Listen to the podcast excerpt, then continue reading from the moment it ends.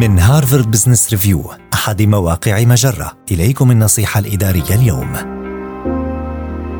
طمئن فريقك في الأوقات التي يسودها القلق. عندما تكون الأخبار مخيفة والمستقبل غامضا سيلجأ كثير من الموظفين إلى مدرائهم ليحصلوا منهم على ما يطمئنهم. يمكنك المساعدة عن طريق استعادة تركيزك اولا. قبل أن تبدأ بالتواصل مع الآخرين خذ دقيقة لتصفية ذهنك وتنفس بعمق. ضع نفسك مكان جمهورك. ما هي الأمور التي تشغلهم؟ وما هي أسئلتهم أو اهتماماتهم؟ وما الذي يحتاج يحتاجون إلى إجابة فورية عنه. يمكنك استخدام عبارة مثل أعلم أن كثيرين منكم قد يظنون أن ابحث عن مصادر موثوقة للمعلومات واقرأ ما يرد فيها بتمعن قبل تلخيصه بلغة واضحة وموجزة. يمكنك التعبير عن شكك وقلقك بثقة مع الحفاظ على صلاحياتك في نفس الوقت. يمكن أن تقول لا تزال التقارير ترد إلينا باستمرار ولكن ما نفهمه حتى الآن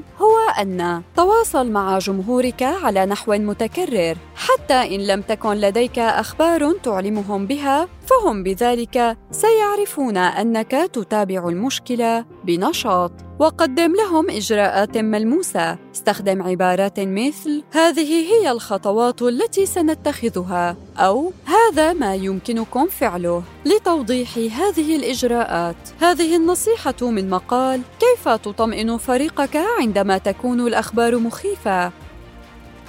النصيحة الإدارية تأتيكم من Harvard Business Review أحد مواقع مجرة مصدرك الأول لأفضل محتوى عربي على الإنترنت.